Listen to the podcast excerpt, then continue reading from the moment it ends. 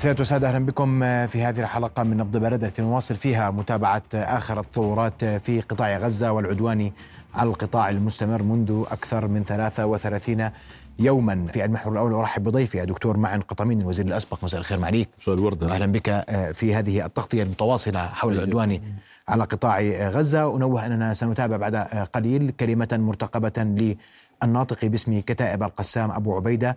وسنكون معكم على الهواء مباشرة في بث هذه الكلمة. ودكتور معن اليوم قمة عربية مخرجها اختلف عن سابقاتها تحديدا في بندها الثاني اللي تحدث عن كسر الحصار على قطاع غزة والطلب من المجتمع الدولي والمنظمات الدولية أن تساهم في كسر الحصار الذي يريده ودعم الجهود المصرية في هذا القطاع. نعم.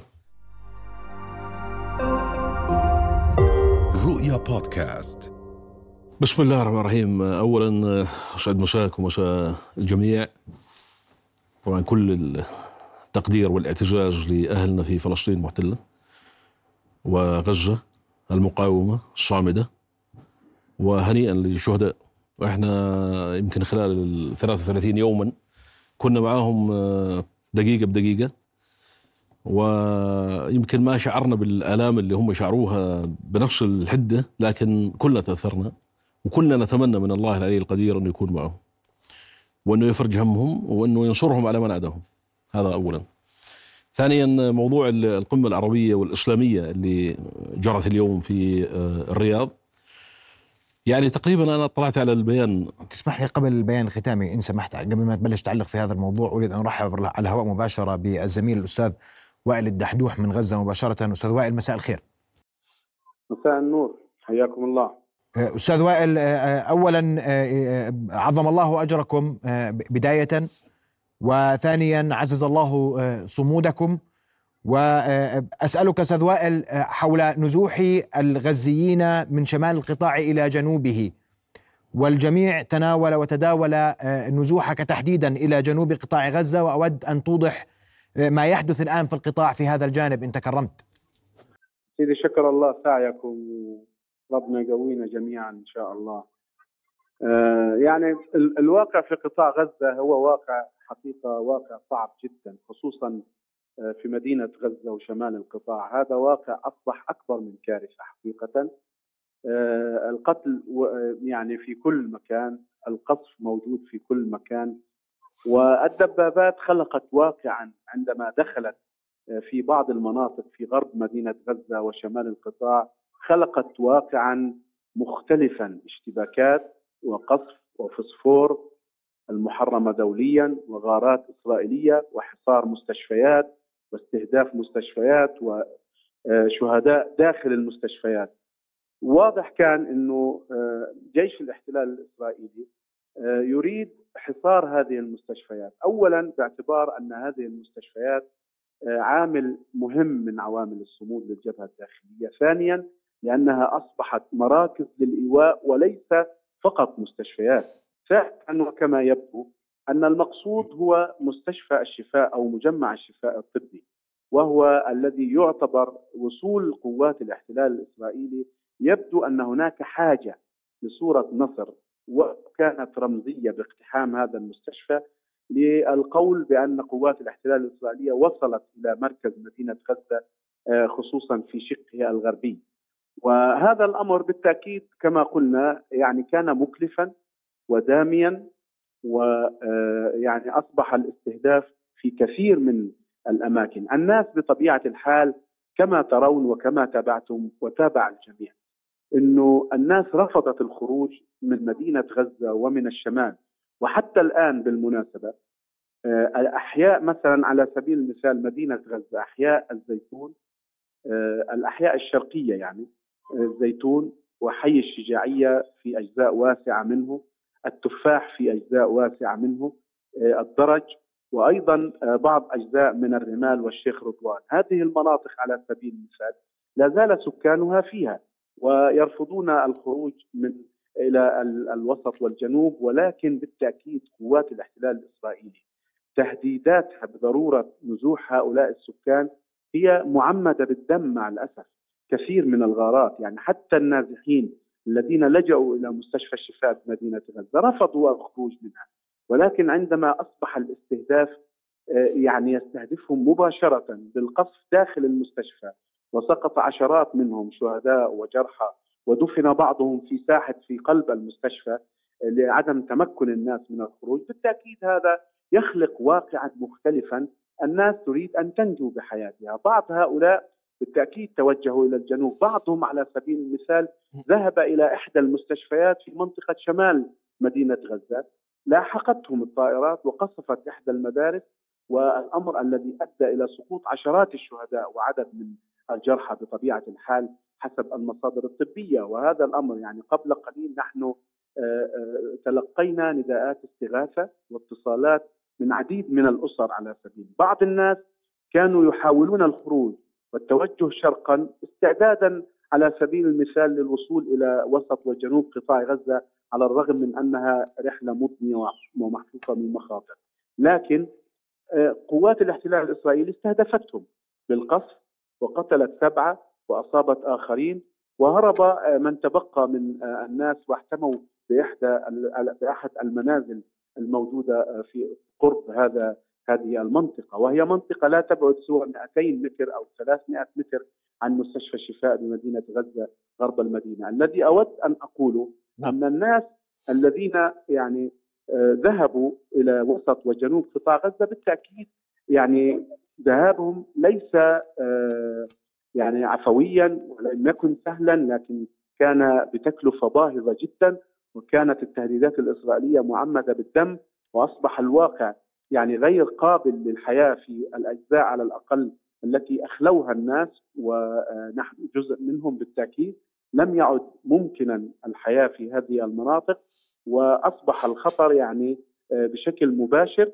وهذا هو الواقع الذي الموجود. يعني هذا يأتي يأتي كله بالتأكيد جنبا إلى جنب مع استمرار على سبيل المثال الغارات الإسرائيلية التي تستهدف ليس فقط مدينة غزة وشمال القطاع ولكن أيضا تستهدف المناطق الوسطى والجنوبية من قطاع غزة والتي قالت عنها قوات الاحتلال الإسرائيلي أنها آمنة وطلبت من الناس أستاذ وائل اسمح لي يبدو أن كلمة الناطق باسم آه، العسكري باسم كتاب القسام آه، قد آه، بدأت.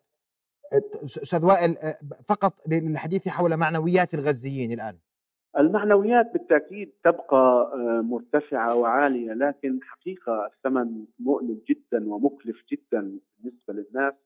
وكل يوم اعذرني أستاذ وائل سأعود لك بعد لحظات عند الاستماع لكلمة أبو عبيد يقاتل أنذل وأنجس من أنجبت البشرية. ودت بمئات آلاف الأطنان من المتفجرات. تقوم بالدك والتدمير التدريجي لمئة متر أمامها. بكل أشكال القصف الهمجي. بالطيران الحربي الذي لا يفرق بين مدني وعسكري. عله يغطي على حالة الرعب التي يعيشها الجنود الصهاينة المتحصنين في دباباتهم. ثم تتقدم الدبابات فوق الدمار لكنها تواجه بالرغم من ذلك بمقاومة عنيفة واشتباكات ضارية تجبره على التراجع وتغيير مسارات التوغل.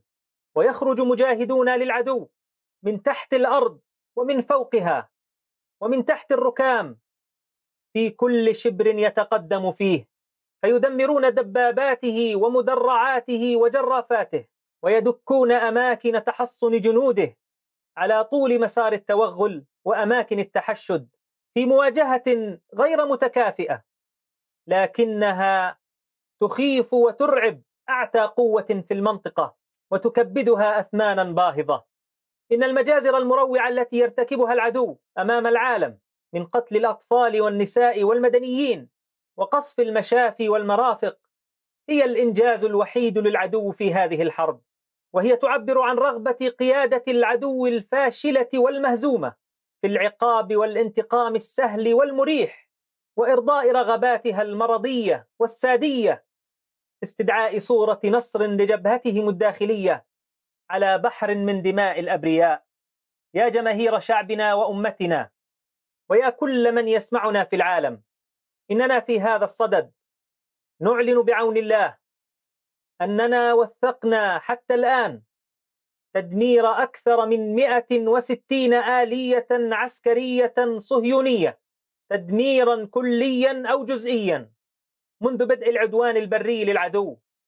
منها أكثر من 25 آلية خلال الثمان والأربعين ساعة الأخيرة. كما ينصب مجاهدون الكمائن للقوات المتحصنة في البنايات المهدومة والأماكن المستهدفة والأرض المحروقة ويستهدفون تحشدات القوات الراجلة بالقذائف والعبوات المضادة للأفراد وبالمسيرات المفخخة وبقذائف الهاون. ولا زال مجاهدون في العقد القتالية يتربصون بجنود العدو وآلياته ويهاجمونها في كل ساعة. ونؤكد بأن غزة ستكون ساحة لقتال جنود العدو الغزاة. ولن يهنأ الاحتلال الذي يعرف غزة جيدا. لن يهنأ بيوم أو ساعة من الهدوء بإذن الله. بل سيدفع أثمانا كبيرة وغير متوقعة بعون الله وقوته. يا أبناء شعبنا العظيم إن الألم الذي يعترينا وأهلنا لما يرتكبه العدو من جرائم بشعة. لن يغطي أمام العالم حقيقة الكبرياء والعزة التي تجللكم وسط هذا الخذلان ووسط هذا العدوان. فأنتم الطائفة المنصورة التي لا تزال ظاهرة على الحق طاهرة للعدو. وأنتم الذين اصطفاكم الله بخير الرباط على سواحل عسقلان وما حولها.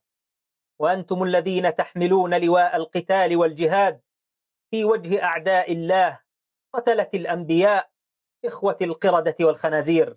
فكونوا على ثقة بربكم أنه لن يخذلكم وأن النصر مع الصبر وأن التضحيات العظيمة التي يقدمها مجاهدون وشعبنا هي مقدمة لنصر عزيز مؤزر. وفرج قريب بعون الله. والله غالب على أمره ولكن أكثر الناس لا يعلمون. وإنه لجهاد نصر أو استشهاد. والسلام عليكم ورحمة الله وبركاته. إذا كانت هذه آه، كلمة آه، الناطق باسم كتائب القسام أبو عبيدة الذي أوضح فيها تدمير 160 آه، آلية منذ بدء عمليات الاحتلال في قطاع غزة 25 منها دمرت جزئيا أو كليا في آه، الثمانية وأربعين ساعة القادمة وتوعد أبو عبيدة باستمرار المعركة على الأرض وأن الاحتلال لن ينعم بساعة هدوء أو يوم هادئ. آه، وهذه الكلمة تأتي اليوم في إطار إعلانات الاحتلال حول السيطرة قصف محيط مستشفى الشفاء. دكتور وقمة عربية. نعم. تفضل. يعني أنا سبقني وائل دحدوح وأبو عبيدة. الكلام بده يكون على مستوى المقاومة الحقيقية صراحة. أولا تعزية الحارة ونيابة عن كل شرفاء العالم لأخونا وائل. بدي أقول لك آه، وائل بيك آه، الله يعطيك العافية وعظم الله أجركم. كل بيت أردني فجع بما فجعت به كما فجع بجميع الشهداء والجرحى في غزة. لكن شعرنا معك لأنه يمكن أنت أخذت الخبر على الهواء مباشرة وإحنا كنا معك وأكثر شيء بقدر أقول لك إياه إنه كل الأردنيين فخورين فيك ليس فقط لأنك تقبلت الاستشهاد بصدر رحب لكن لأنك وقفت ثاني يوم وعلى الهواء مباشرة تحمل سلاحك وهو الكلمة الصادقة آه، فالله يعطيك العافية ويقويك وإحنا معك ونتمنى أن يتقبل الله آه، أقاربك وأقارب جميع من هم في فلسطين المحتله وغزة شهداء بإذن الله تعالى. اثنين بدي أقول لأبو عبيدة الله يعطيك العافية. آه، اللي بدي أقوله اليوم على مستوى القمة العربية والإسلامية. آه، أتت في وقت صراحة شفت الكلام وشفت الرجولة وشفت الرجال كانت آه، أقل من المستوى المطلوب. صراحة أنا بقول لك وجهة نظري وضميري يعني. اليوم لما كنا نحضر هذه القمة كن كانت الشاشة مقسومة إلى قسمين. قسم القمة ل 57 دولة وليس لثلاث دول ولا 10 ولا 20 57 دولة و2 مليار بني آدم. وفي نفس الأثناء كان هناك أطفال في غزة. مستشفى يقصف وأطباء بتموت وحالة من الإبادة الجماعية. اللي ورد في القمة آه، يعني متوقع لو كانت جوانتيمالا آه، طلعت بيان زي هذا بقول ممتاز. لكن أنا أعتقد إنه توقعات الناس على فكرة كانت أقل. لكن المأمول كان أكثر. المأمول كان وقف فوري للقتل. ليست حرب هي ليست حرب. أنا قرأت البنود طلعت عليها كما طلع عليها الكثير. ست إدانة؟ خمسة تأكيد على ضرورة. أربعة مطالبة. آه، اثنين التشديد على. واحد رفض واحد استنكار واحد كسر الحصار وأتمنى. يمكن هذا هذا أنا وياك برا كنا نحكي. هل هو مطالبة بي ولا كسر حصار؟ كسر حصار معناته هذا عمل إيجابي وممتاز ونحييهم عليه. آه، تبعت تبع في البيان كسر الحصار بدعم الجهود المصرية وكأن هناك دعما لمصر لكسر ننتظر الحصار. نعم. ننتظر أن يبدأ كسر الحصار الآن لأنه الآن إذا إحنا بندخل وقود بننقذ أطفال ننقذ جرحى. هذا مهم جدا. ونوقف النزوح لأنه اللي تفضل فيه الدحدوح. بيقول لك إنه الناس واصلة لمرحلة ما في مقومه حياة. فكسر الحصار هو آه، أول عمليات التصدي للتهجير القسري فهذا كان متوقع. أنا اللي كان متوقع اليوم من القمة الإسلامية وخصوصا إحنا بنحكي عن منظمة التعاون الإسلامي بنحكي مجموعة كبيرة من الدول القوية مش الضعيفة يعني. كنا نتوقع منهم أكثر من هيك. أنا شخصيا إذا بدي أطلع على جانب الممانعة أنا مدرك تماما بأنه لا تستطيع أي دولة من دول العالم الإسلامي أن تواجه أمريكا لوحدها. ولا تستطيع كلها أن تواجه أمريكا عسكريا لوحدها. وإحنا بنعرف هذا الكلام بنعرف التفوق الغير طبيعي الأمريكي والفرنسي والبريطاني والألماني وال... لكن هل هناك أشياء أخرى كان ممكن أن يتم تضمينه في هذا البيان؟ نعم أنا ما شفت فيه أنا لو أني على فكرة بعده مباشرة طلع جالنت رئيس الجيش الإسرائيلي وشو قال؟ قال ما نفعله في غزة سنفعله في بيروت معناته ما أرهبنا عدونا هذا البيان لم يرهب العدو ولن لا أعتقد بأنه سيؤدي إلى هلا نختصرها. من هو القادر على التأثير على إسرائيل لوقف الحرب أو لوقف الاعتداء؟ أمريكا. قولا واحدا. وأمريكا هي اللي قاعدة تقول لك خلال بايدن ومن لف لفه بيقولوا بأنه نحن لسنا مع وقف إطلاق النار. اذا هذا الاجتماع اليوم كان يجب أن يكون مؤثرا على أمريكا بحيث تؤثر على إسرائيل. هناك عدة أمور باستطاعة الدول العربية والإسلامية مجتمعة وهي فرصة تاريخية على فكرة يعني. فرصة تاريخية. نتكلم عن مجموعة ضخمة من الدول العملاقة يعني. إندونيسيا 200 مليون السعودية نتكلم عن ماليزيا تركيا يعني إيران. يعني مش قاعدين نحكي عن دول ضعيفة يعني نحكي عن دول لها مكانة في العالم.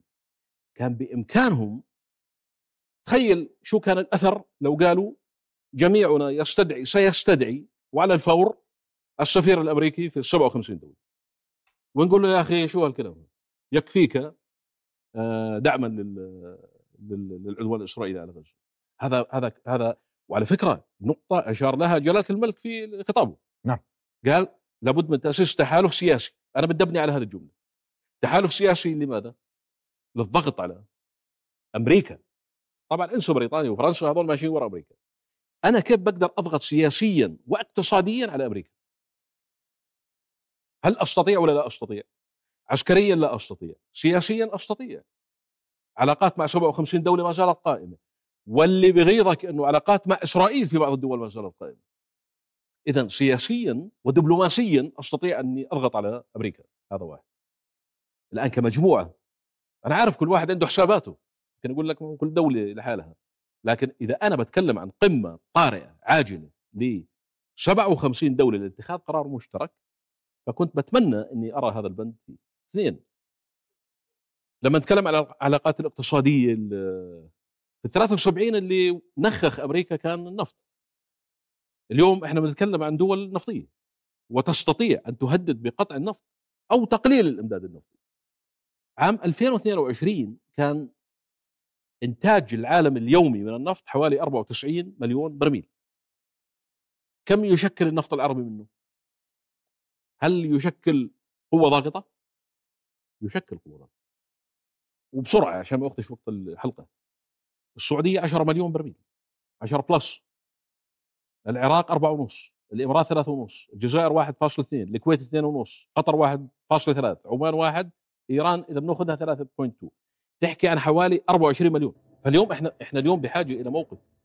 مش معقول إن نرجع نقول نطالب المجتمع الدولي ونطالب مجلس الأمن. طب ما إحنا مجلس الأمن قاعد فيه خمسة. كل واحد ماسك آه، الفيتو تبعه وقاعد وأمريكا كل واحد تنفس بتصحى من النوم هاي بتقول لك هيك وبتحط راسها بظهرها صح؟ طب شو مطالب؟ شو راح يعطيك مجلس الأمن يعني؟ إذا كان هناك داعي. هذه المطالبات خلصناها. ممتازه الله يعطيك العافية. لكن اليوم على أرض الواقع حط على النار. إيش فيه؟ إيش فيه يمنع القتل مستمر في غزة؟ هذا السؤال اللي بيطرح نفسه يعني فاذا أنت بحاجة اليوم إلى أدوات أغلظ منه عصاي أغلظ منه السلاح الاقتصادي سلاح جدا مهم النفط جدا مهم على فكرة إذا بدك تعملها معادلة بتقول من يؤثر على إسرائيل؟ أمريكا، من يؤثر على أمريكا؟ الشعب الأمريكي، شو بيأثر على الشعب الأمريكي؟ اقتصاده. اليوم إذا أنت تسوي حركة النفط يوم تضرب المواطن الأمريكي بروح هو لحاله بقول لبايدن إيش قاعد تسوي؟ أنت اليوم قاعد تسيء لنا، أنت اليوم قاعد تأثر على ال paycheck تبعي، على الفلوس تبعي، على قدرتي على الإنفاق. هذا هو اللي راح يأثر على أمريكا تؤثر على إسرائيل، أما غير هيك ما راح يصير. جانب آخر نستطيع نشتغل عليه وهو الرأي العام العالمي هذا دورنا إحنا. المواطنين والعالم والناس، لكن كحكومات وكدول اليوم لازم يكون عندك أدوات، فأنا اقترحت إنه هذا اللي هو برأيك اليوم كسر الحصار لم يتناول البيان عشان نتفق؟ في شان اقتصادي ولم يلوح بأي آه، تهديد اقتصادي في في بند واحد. بند واحد اللي هو رقم 12 وهذا أنا عجبني بقول لك أي إجراءات رادعة لوقف جرائم سلطات الاحتلال الاستعمارية ضد الإنسانية؟ رقم 12 بند المفتوح أي إجراءات رادعة؟ من هنا بستطيع تصرفوا من خلاله. هذا إجراء رادع. وقف النفط أو التهديد فيه أو تقليله. يعني اليوم إحنا بنتذكر قبل حوالي ست أشهر تم تقليل التقليل الطوعي للنفط من منظمة أوبك وأوبك بلس. نعم. اليوم أنا أنا بشوف الدم العربي يراق والدم إذا بالنسبة للمسلم الدم الإسلامي يراق وإذا بالنسبة للإنسانية الدم الإنساني يراق. وإحنا بنشوف مشاهد لا يمكن إنه يسكت عنها أي إنسان في العالم لديه ذرة إنسانية.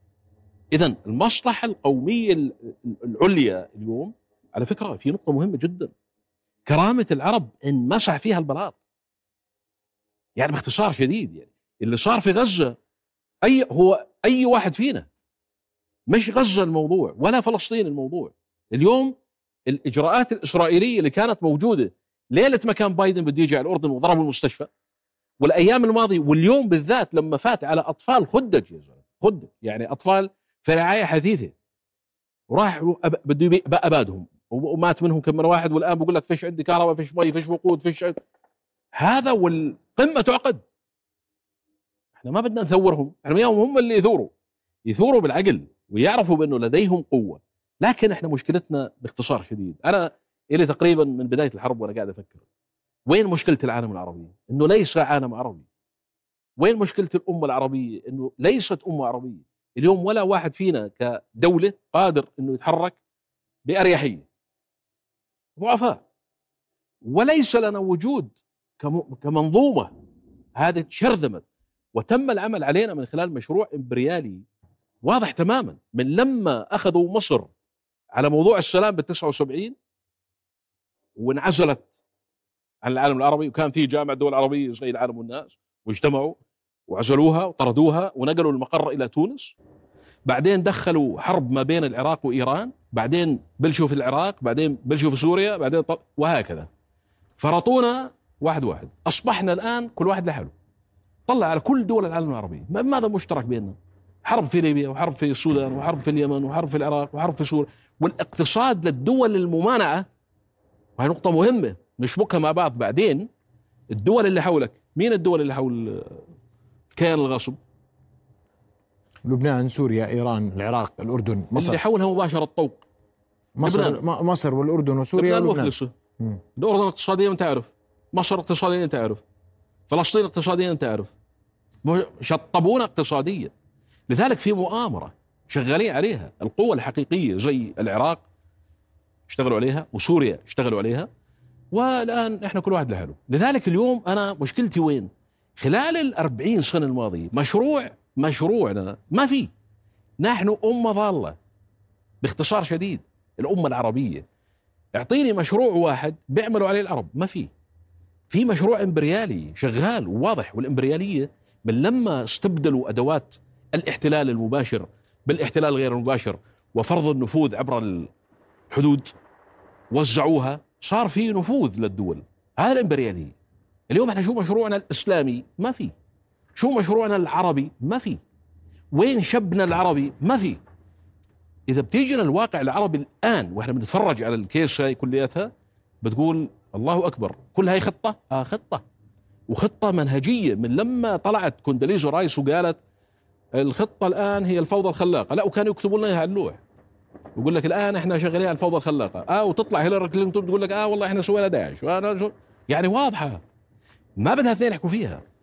لذلك أنا عشان بس نستفيد من وجودنا معك من هذا المنبر المحترم أنا بدي أوجه نداء للأمة العربية وأقول يا إخوان الموضوع انسى الحكومات. الله يعطيهم العافية.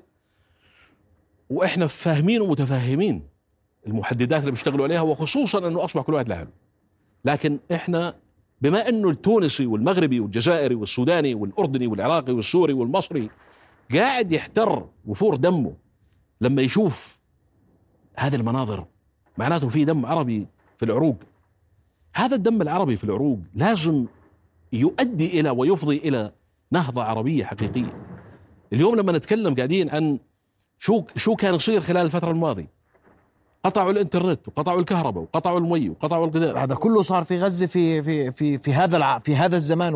وتحت أنظار العالم اجمع كلنا وصرنا نترجى في إيلون ماسك يفتح لهم إنترنت. وإحنا أرض الثروات والإمكانيات وال... لكن لما تيجي للفشل الذريع اللي إحنا كنا فيه إحنا بعيدين عن كل أدوات التأثير الحضاري. كمثال 273 مليون عربي على مواقع التواصل الاجتماعي. هلا أنا بطلع الفيسبوك آه، وبحاول أجاهد وأباطح وب... اللي كان زمان يجيب 10 مشاهدات بيجيب واحد. مزبوط وأنت نفس الشيء. والكل في ناس كثير سكروا حساباتهم. نعم. فإذا هناك حرب يستخدم فيها التكنولوجيا ومواقع التواصل الاجتماعي والذكاء الاصطناعي. كل الأدوات قاعد تشتغل ضدك. وأنت قاعد تترجى في واحد في نيويورك يعمل مظاهرة في الشارع مشان توصل الفكرة. أدواتنا ما في. ابتعدنا عن الابتكار ابتعدنا عن البحث والتطوير ابتعدنا عن كل شيء له معنى يخلينا قاعدين نتفرج الصين وين وأمريكا وين. وإحنا وين؟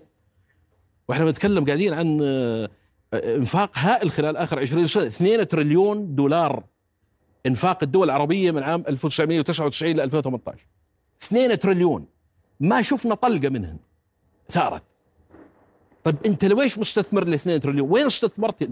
بديش إياه؟ ليش ما استثمرت في أدوات؟ ليش ما كنت مدرك بأنه اليوم اللي قاعد يحاربك؟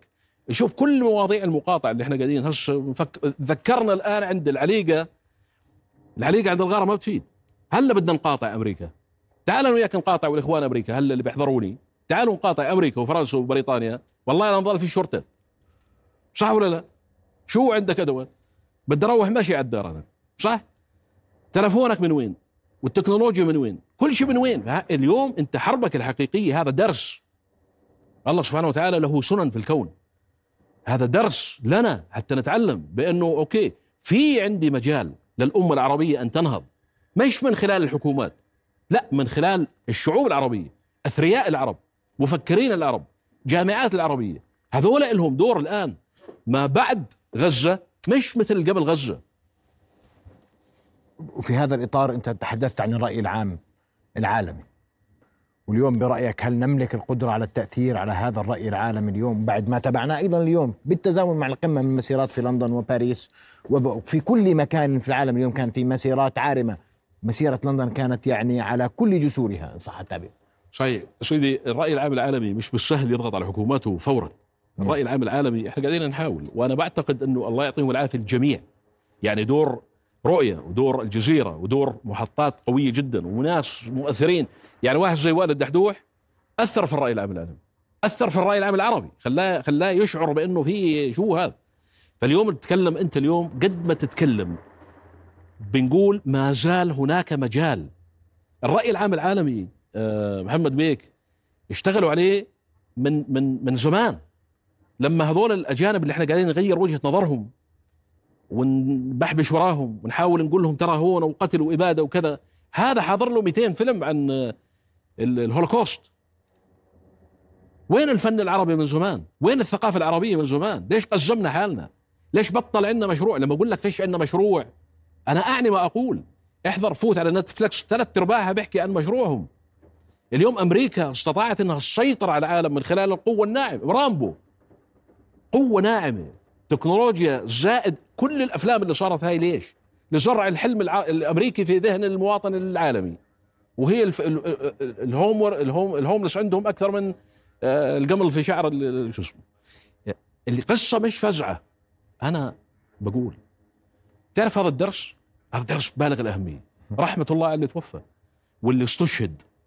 وعند ربه هذا شهيد واللي قاعدين يتعرضوا الآن لل... لكل أنواع البربرية بنقول لهم رب العالمين لكن اليوم إذا إحنا طلعنا كأمة كشباب كشعوب شو استفدنا من هذا الدرس؟ إحنا شو استفدنا؟ هل تعلم إذا قررت القوى الإمبريالية في أي لحظة إنها تبيدنا عن بكرة أبينا والله رساله ما تطلع لأمريكا بلغي عنك الواتساب بلغي عنك الفيسبوك وبلغي عنك اللينكدين بلغي عنك كل أدواته شغالة له مش إلك. صحيح. وهذا هذا قرارات استراتيجية. الوحيد اللي كان صاحي وما زال لهذا الصراع الحضاري الصين. وهذا بنحكي فيه مرة ثانية. نشكرك كل الشكر دكتور معنا قطامين وزير الأسبق على وجودك معنا ليلى شكرا جزيلا لك. رؤيا بودكاست.